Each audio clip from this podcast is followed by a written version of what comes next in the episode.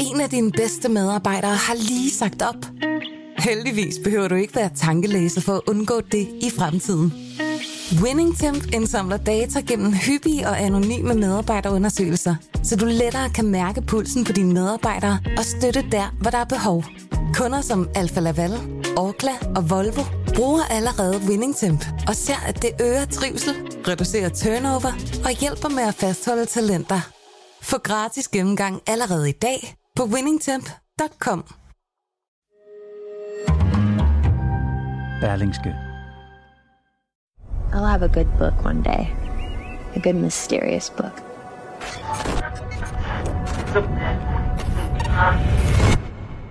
Jeg tror ikke, man kan have interesseret sig for musik og popkultur de sidste 20 år, uden at have forholdt sig til Britney Spears, og uden at være lidt fascineret af, hvem den her person egentlig er bag alle de her musikvideoer og sange og alt sådan noget. Hvorfor kan man ikke have forholdt sig til musik og popmusik de sidste 20 år, uden at beskæftige sig med Britney Spears?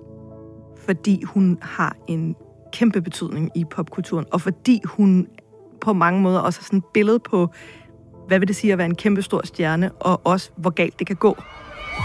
But I know everything's gonna come together and everything's gonna be fine. There's a lot that people don't know that I want them to know.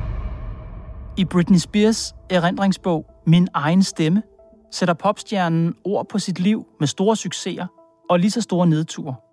Et liv med en brutal musikbranche, en evig flugt fra paparazziernes linser og en årlang umyndiggørelse, hvor hun mistede retten til sine børn og sine penge. Berlingskes musikanmelder Nana Balslev har læst bogen, og det har fået hende til at boble af raseri. Hvorfor? Det taler jeg med hende om i dag. Velkommen i Pilestræde.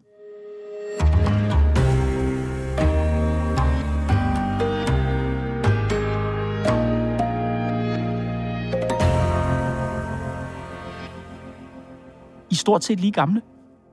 Ja, Britney Spears er født to måneder før mig i slutningen af 81. Jeg er født i starten af 82, så vi er begge to 41. Udover det, har I noget til fælles? Jeg tænker, at vi har levet og lever to radikalt forskellige liv, men vi har det til fælles, at vi er formet af de samme ting musikalsk og i popkulturen, og så er vi begge to øh, mødre. Hvor gamle var I, da du lærte Britney at kende? Jamen, Britney udsender jo sit første nummer og et af hendes største hits i 98 i efteråret, og der går jeg i første G, så der er jeg 16 år. Hit me baby one more time. It's a real funky attitude song, you know, everyone can sing along to. It's a lot of fun to sing. Hvad husker du ved det øjeblik? Altså, Baby One More Time er sådan et nummer, der bare ramte som sådan en chokbølge ned i øh, musikken, og det var overalt. Altså, den blev spillet enormt meget i radioen på det tidspunkt. Det var før streaming og sådan noget. Den blev spillet på MTV. Hun var på alle forsiderne af musikbladene, som jeg jo læste, som den musiknørd, jeg var. Men på det tidspunkt, der var jeg måske sådan lidt... Altså, jeg hørte R&B og hiphop, og jeg var ikke en, der hørte pop. Så jeg øh, tænkte måske, det der, det er ikke helt noget for mig. Men alligevel kunne jeg ikke undgå at forholde mig til hende, fordi hun var overalt. Hi, I'm Britney Spears, and welcome to my enhanced CD. In here, you'll find my music video, Baby One More Time, some interviews, and a lot of fun pictures. Du siger, det var en chokbølge. Altså, det er jo ikke sådan, at der ikke havde været popmusik inden Britney Spears. Hvorfor var hun sådan en chokbølge?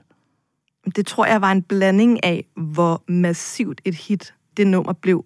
Men det handler også om, at da Baby One More Time udkommer, der har været en periode. Først har der været noget grunge har været stort, så har Britpoppen været stort.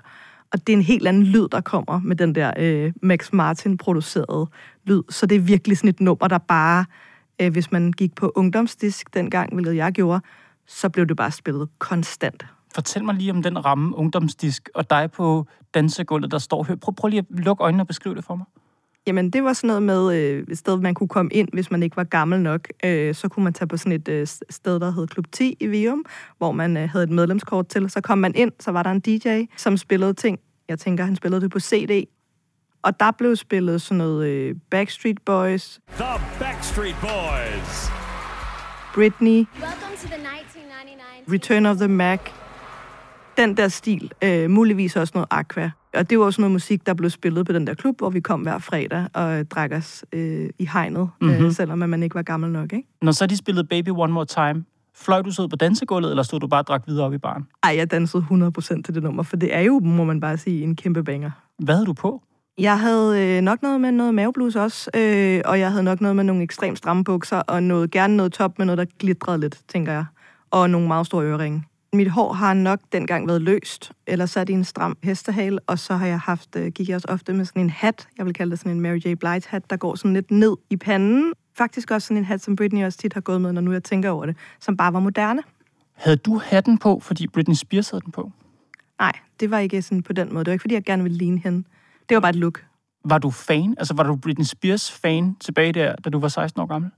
Jeg definerede mig ikke som fan, fordi at for mig var hun mere poppet, og jeg hørte jo mere hip-hop og R&B, men jeg har danset til hende mange gange. Så jeg ser Nana for mig på ungdomsdisk i Vium stå og vride ballerne til Britney Spears. Men på den anden side af Atlanterhavet var der en tilsvarende kvinde, ung kvinde på 16 år, som hed Britney Spears, som havde lavet det her nummer. Hvordan beskriver hun det nummer, eller den del af hendes liv i bogen? Hun beskriver i bogen, at hun allerede dengang levede et ekstremt professionelt liv. Hun trænede hver dag, hun var i studiet og indspillede med den her producer Max Martin, og hun var selv med på sættet til musikvideoen, hvor hun havde nogle input til, hun sagde, den her musikvideo med Baby One More Time er meget ikonisk, med hun er klædt ud som cheerleader, og hun var meget sådan, det er vigtigt, der er nogle lækre fyre med, som skal danse i videoen, fordi hun jo formentlig har tænkt, den skal appellere til sådan nogen som mig. Mm-hmm. Så hun har allerede dengang været et ekstremt professionelt menneske, fordi hun er opvokset som sådan et barn, der gik til de her sangkonkurrencer og tog til auditions hele tiden. The concept is like taking place at a school. It was kind of my idea also, and it takes place at a school, and the kids can't wait to get out of school, you know. Then we all get out, and we just like have a bunch of fun. Når jeg tænker på den video og på det nummer, så er der også en eller anden stemning af, at det er meget, meget, og det ved jeg godt, det er måske åndssvagt at sige, for det der popmusik, men det er meget, meget seksualiseret. Jeg kan ikke huske, hvordan jeg så på det dengang. Jeg er lidt ældre end dig. Men når jeg ser den nu, så tænker jeg, at det er godt nok meget, hvad skal man sige, seksualiseret person, der står der. Hun virker meget sådan bevidst ja. om sin egen seksualitet, og som et meget seksuelt væsen. Samtidig med, at det der lille pige nu det puttet omkring det. Prøv at sige noget om det. Jeg tror, en af grundene til, at den video blev så populær, og, og i det hele taget var med til at cementere det image, som Britney hun fik, det var den der kombination af, at hun på den ene side er en meget, meget ung pige. Hun er på det her tidspunkt 16 år, så hun er basically stadig et stort barn. Men samtidig er der den her meget, meget, meget tydelige seksualisering, at hun, øh, hun har det her skolepige-kostyme øh, på. Hun øh, danser sådan, hun har mavebluse, der zoomer ind på hendes mave. Så det er samtidig et billede af en voksen kvinde, der øh, er meget sådan eksplicit seksualiseret. Og det var jo med til at forme det image, hun fik, som den her øh, barne-Lolita, eller teenage-Lolita. Og det er det image, der har fulgt hende hele vejen. Kan du huske, hvad du selv tænkte om det image, da du var 16 år gammel på ungdomsdisk i Vium? Altså dengang, da jeg så videoen de første par gange på MTV, der synes jeg bare, det var fedt. Og jeg synes, at hun... Altså, det kan godt være, det ikke var min musik, rent sådan det, der appellerede til mig, men, men der var noget i det, som var fedt, fordi der også var sådan noget... En leg med grænser i det, som jeg tror er meget grundlæggende for at være teenager. Når man kigger på det, så kan man enten tænke, hold da op, hvor er hun frigjort. Men man kan også tænke, hold da op, hvor hun bare spændt for en vognindustrien. En af grundene til, at jeg måske ikke blev die hard fan af hende dengang, det var, fordi det også var så tydeligt, at hun også var et produkt, og hun var sat ned i den her ramme, hvor hun skulle være den her person. Der var jeg måske meget som, jeg hører lidt mere undergrundsting, eller jeg vil hellere høre en Cherry, eller...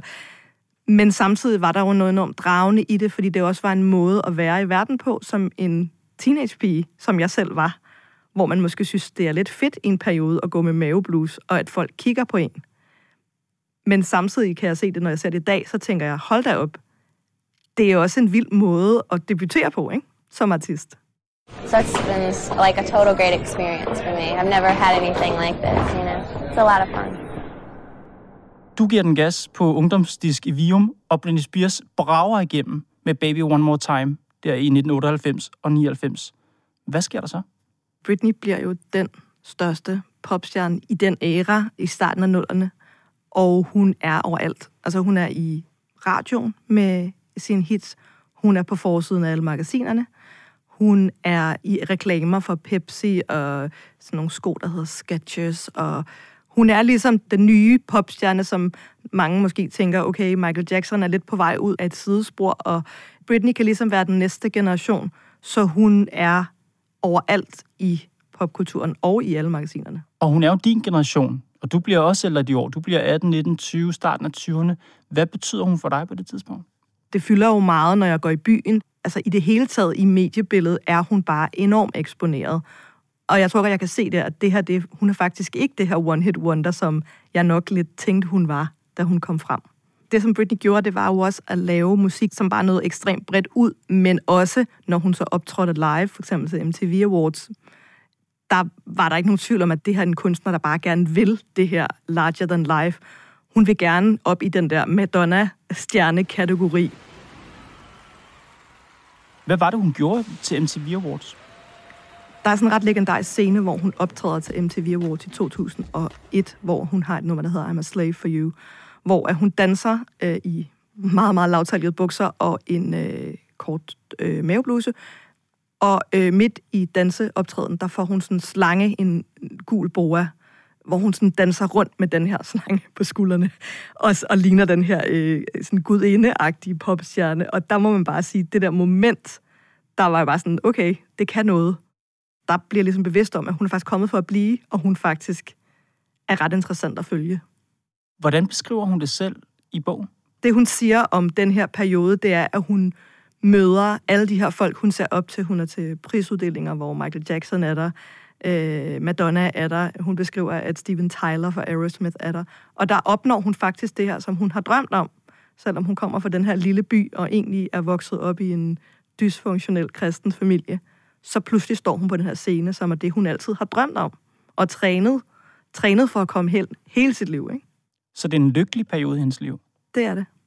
Men vi ved alle sammen godt, at den lykke var ikke ved. Hvad sker der? I den her periode, der er Britney jo nok den største, i hvert fald sådan kommercielt set, øh, popstjerne, og hun er kærester med, blevet kærester med Justin Timberlake, som er hendes, øh, hun kender fra det her Mickey Mouse Club, hvor de begge to startede. Alright, for Justin, Brittany, and the gang singing I'll Take You There.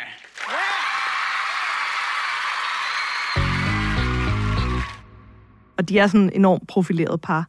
Øhm, men øhm, der sker en række ting, hvor at starter med, at øh, Justin slår op med hende, og det kommer der selvfølgelig en masse overskrifter ud af, at han slår op med hende over en sms, ifølge hende selv.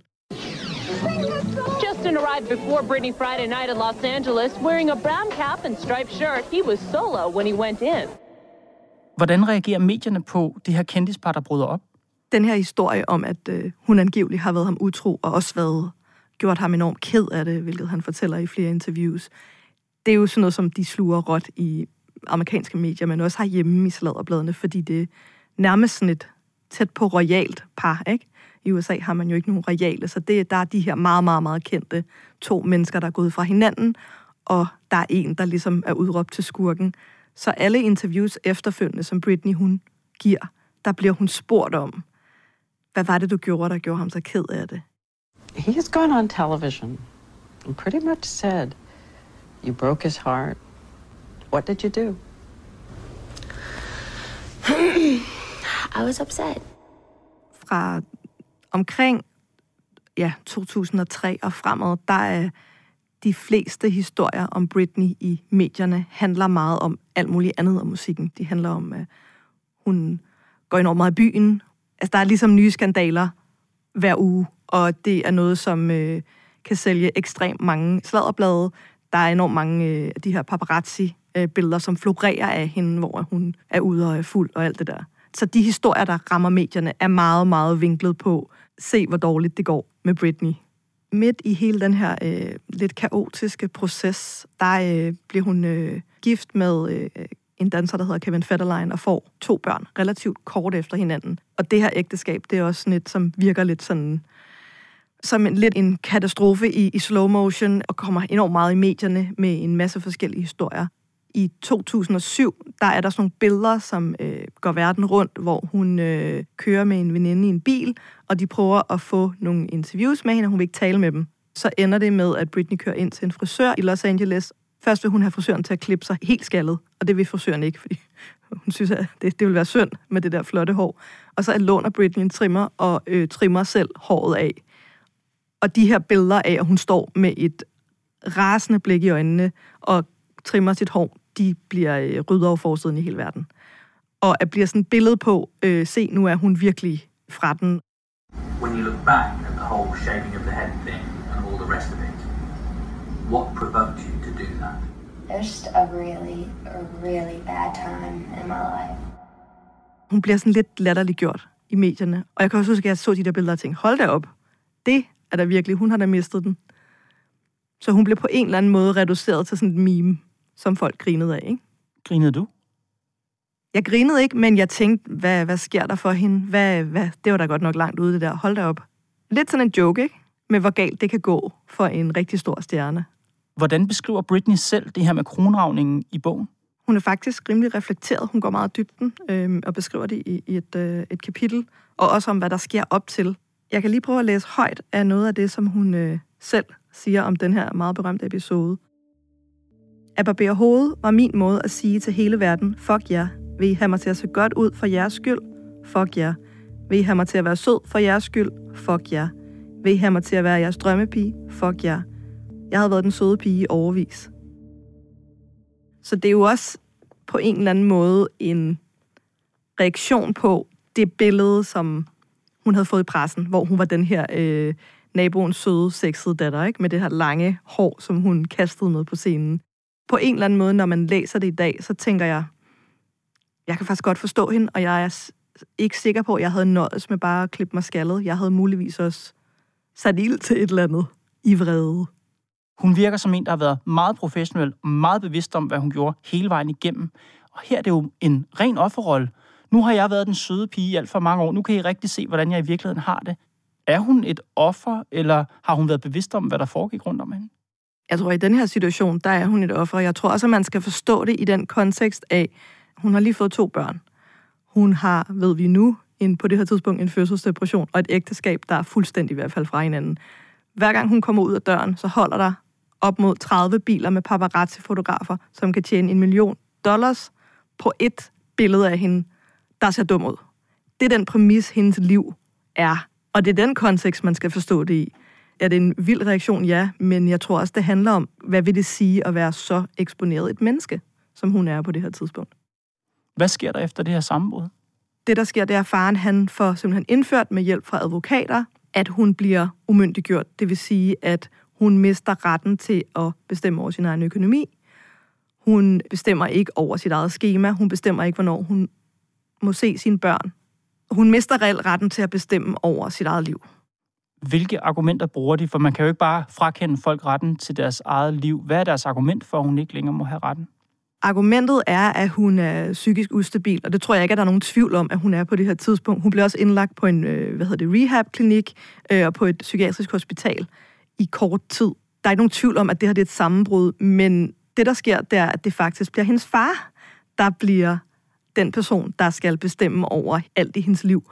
Og der er så et helt team, der sørger for, at hun skal til læge, hun skal kontrolleres, hun skal have taget drugtest hele tiden. Og det er jo sjovt nok, at hendes familie, de, de får jo også penge. For, altså, hun tjener jo stadig penge på sin musik og alt det her. Og det vil sige, hun betaler, altså hendes far tjener penge på det her. Hun får udbetalt lommepenge hver uge.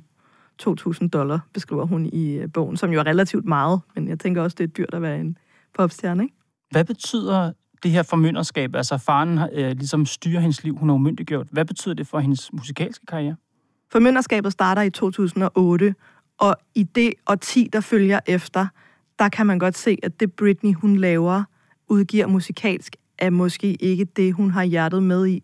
Hun optræder blandt andet i Las Vegas og har en, et fast show der, og beskriver sig selv som sådan en slags dukke, der bare sådan går op og leverer det minimum, hun skal. Fordi som hun siger, jeg, har ikke, jeg vil ikke give dem den, den der tilfredsstillelse, at jeg også lagde hjertet i det, så hun går op, og sådan lidt som sådan en, øh, som jeg har skrevet, en dansende bjørn, ikke? som optræder, fordi hun skal. Og det, hun så får ud af det, det er, at hun får lov til at se sine børn i nogle begrænsede perioder. I starten, der går der ret lang tid efter det her breakdown, hvor hun slet ikke ser sine børn. Fordi at det får hun ikke lov til. Hvordan endte det? Det var jo faktisk nogle fans, der satte gang i den her Free Britney-bevægelse. Det, der sker, det er, at i 2019, der er en masse fans, der sådan begynder at have nogle teorier om, at hun lidt bliver holdt i en form for fangenskab. Og da jeg læser det her først, der kan jeg huske, at jeg tænker, ej, det, det er simpelthen for langt ude. Mm-hmm. At det er nogle fans, der har for meget tid, ikke? Fans out in force to support their favorite uh, singer. It's the battle over Britney. Pop star Britney Spears' parents faced off in court as they fight over conservatorship of their daughter. Det, der så sker senere, det er, at det kommer frem drøbvis i forskellige medier, at hun faktisk er underlagt det her øh, formynderskab. Og der er også en række artikler, der undersøger det her. New York Times går ind i det og beskriver. Los Angeles Times dækker det intensivt. Der er de her retsmøder, hvor hun så anmoder om at få øh, først en anden advokat. Det kan hun ikke få. Advokaten er også betalt af hendes far. Men senere kommer det frem i sådan drøbvis, at hun for eksempel ikke selv må bestemme, at hun øh, gerne vil have sit spiral ud, fordi hun godt kunne tænke sig at få et barn med sin nuværende mand mm-hmm. på det tidspunkt. Men det får hun afslag på. Og da det ligesom kommer frem, der tror jeg sådan, der går det op for mig sådan, okay, det her det er faktisk rigtigt, at denne her person, der har været verdens største popstjerne, hun er voksen nok til at optræde på en scene i Las Vegas for 5.000 mennesker hver aften, men hun er ikke vurderet voksen nok til at bestemme, hvornår hun vil holde ferie, hvad hendes penge skal bruges til. Og da jeg læser de artikler, så, så tænker jeg bare, at det her, den historie, den er jo, den er jo endnu vildere, end, man havde, end jeg måske havde forestillet mig, det kunne være. Og da de her ting kommer frem, hvad betyder det for Britney Spears? Det betyder jo, at hun i sidste ende, at den her Free Britney-bevægelse er med til at få øhm, afskaffet det her formynderskab. Og i 2021 i efteråret, der bliver det afskaffet efter 13 år, hvor hun har levet uden at bestemme over nogle aspekter i sit liv. Så da hun er 40 år gammel, der får hun lov til igen at bestemme? Da hun er 40 år, der får, bliver det vurderet, at hun er voksen nok til at bestemme over sin egen penge og sit eget øh, schema. Free Britney is a reality at last. Judge Brenda Penny releasing 39 year old Britney Spears from the conservatorship that since 2008 had controlled every aspect of the pop star's existence. Mange af de her ting om Britney Spears vidste vi jo godt i forvejen. Det er jo ikke nyheder i bogen, men der er en begivenhed i bogen, som Britney fortæller om, som ikke har været fremme før. Der er en episode, hun beskriver i bogen, som faktisk er ret rørende eller tankevækkende, at hun faktisk, mens hun er sammen med Justin Timberlake, bliver gravid. Og øhm, hun var sikker på, at de skulle være sammen hele livet, og at det kunne da godt være, at de skulle få et barn sammen. Men han er meget sådan, det er lige inden hans solokarriere går i gang, så han, han er meget sådan, det, det er virkelig dårlig timing. Vi er alt for unge til at få børn. Hvor gamle er de? På det her tidspunkt er, jeg tror, Britney er 19, og han er måske et år ældre eller sådan noget. De bliver ligesom enige om, at hun skal have en abort, hvilket i USA er relativt kontroversielt. Også dengang. Hun kommer fra en lille kristen by, ikke? det er det, man skal huske.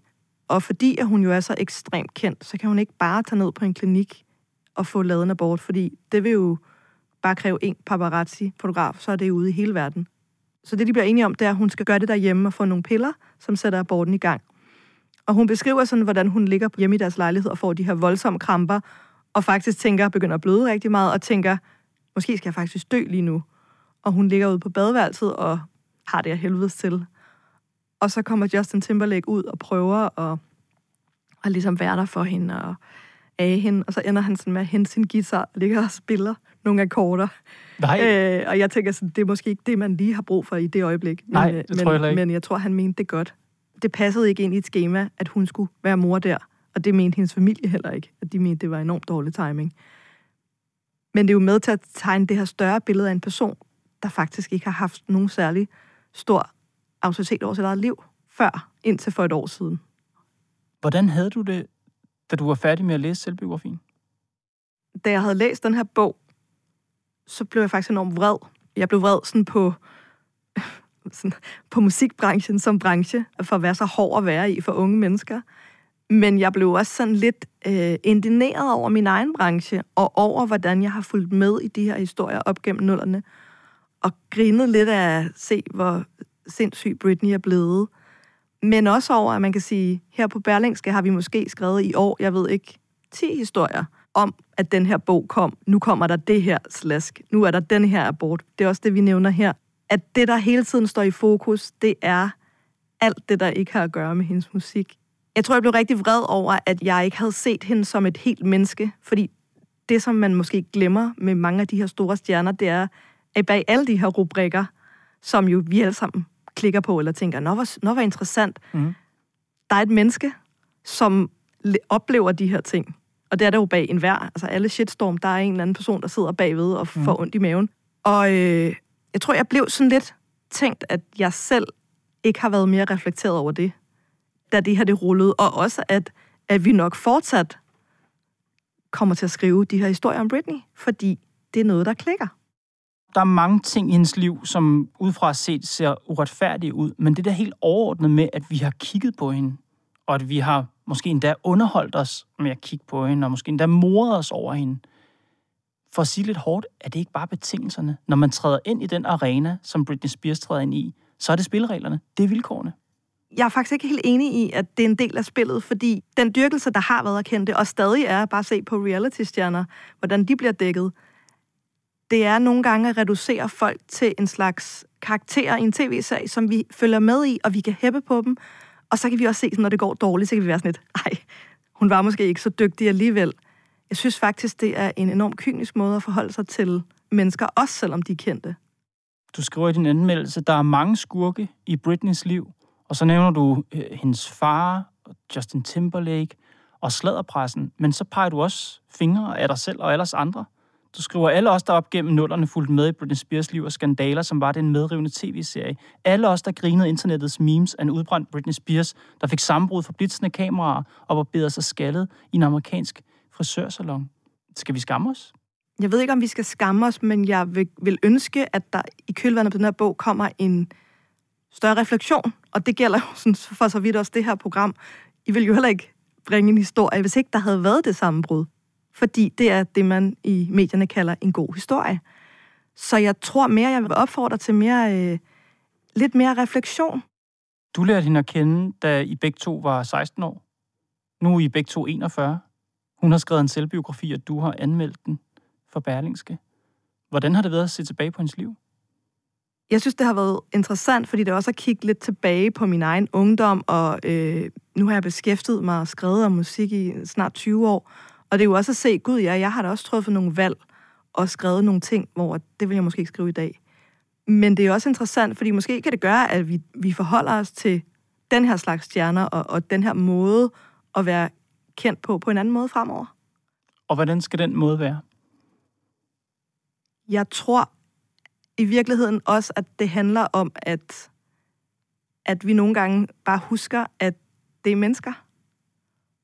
Og jeg ved godt, det lyder sådan lidt øh, op på den høje hest, men, men nu kender jeg jo til folk, der er i det der game. Øh, popstjerner og, og politikere og sådan noget. Og det er fuldstændig sindssygt at være så eksponeret et menneske, som bare en dansk toppolitiker er. Og hvordan det så ikke er at være verdens mest kendte menneske, det tror jeg ikke, man kan sætte sig ind i, medmindre man selv har prøvet det. Nana Balslev, tak fordi du forsøgte os at sætte ind i, hvordan Britney Spears har haft det. Det var så let. Og tak fordi du kom Pilestræde. Det var Pilestræde for i dag. Programmet er lavet af Thomas Arndt, Mads Klint, Bo Lange, Karoline Nord og mig, Kåre Svejstrup. Vi er tilbage i morgen. En af dine bedste medarbejdere har lige sagt op. Heldigvis behøver du ikke være tankelæser for at undgå det i fremtiden.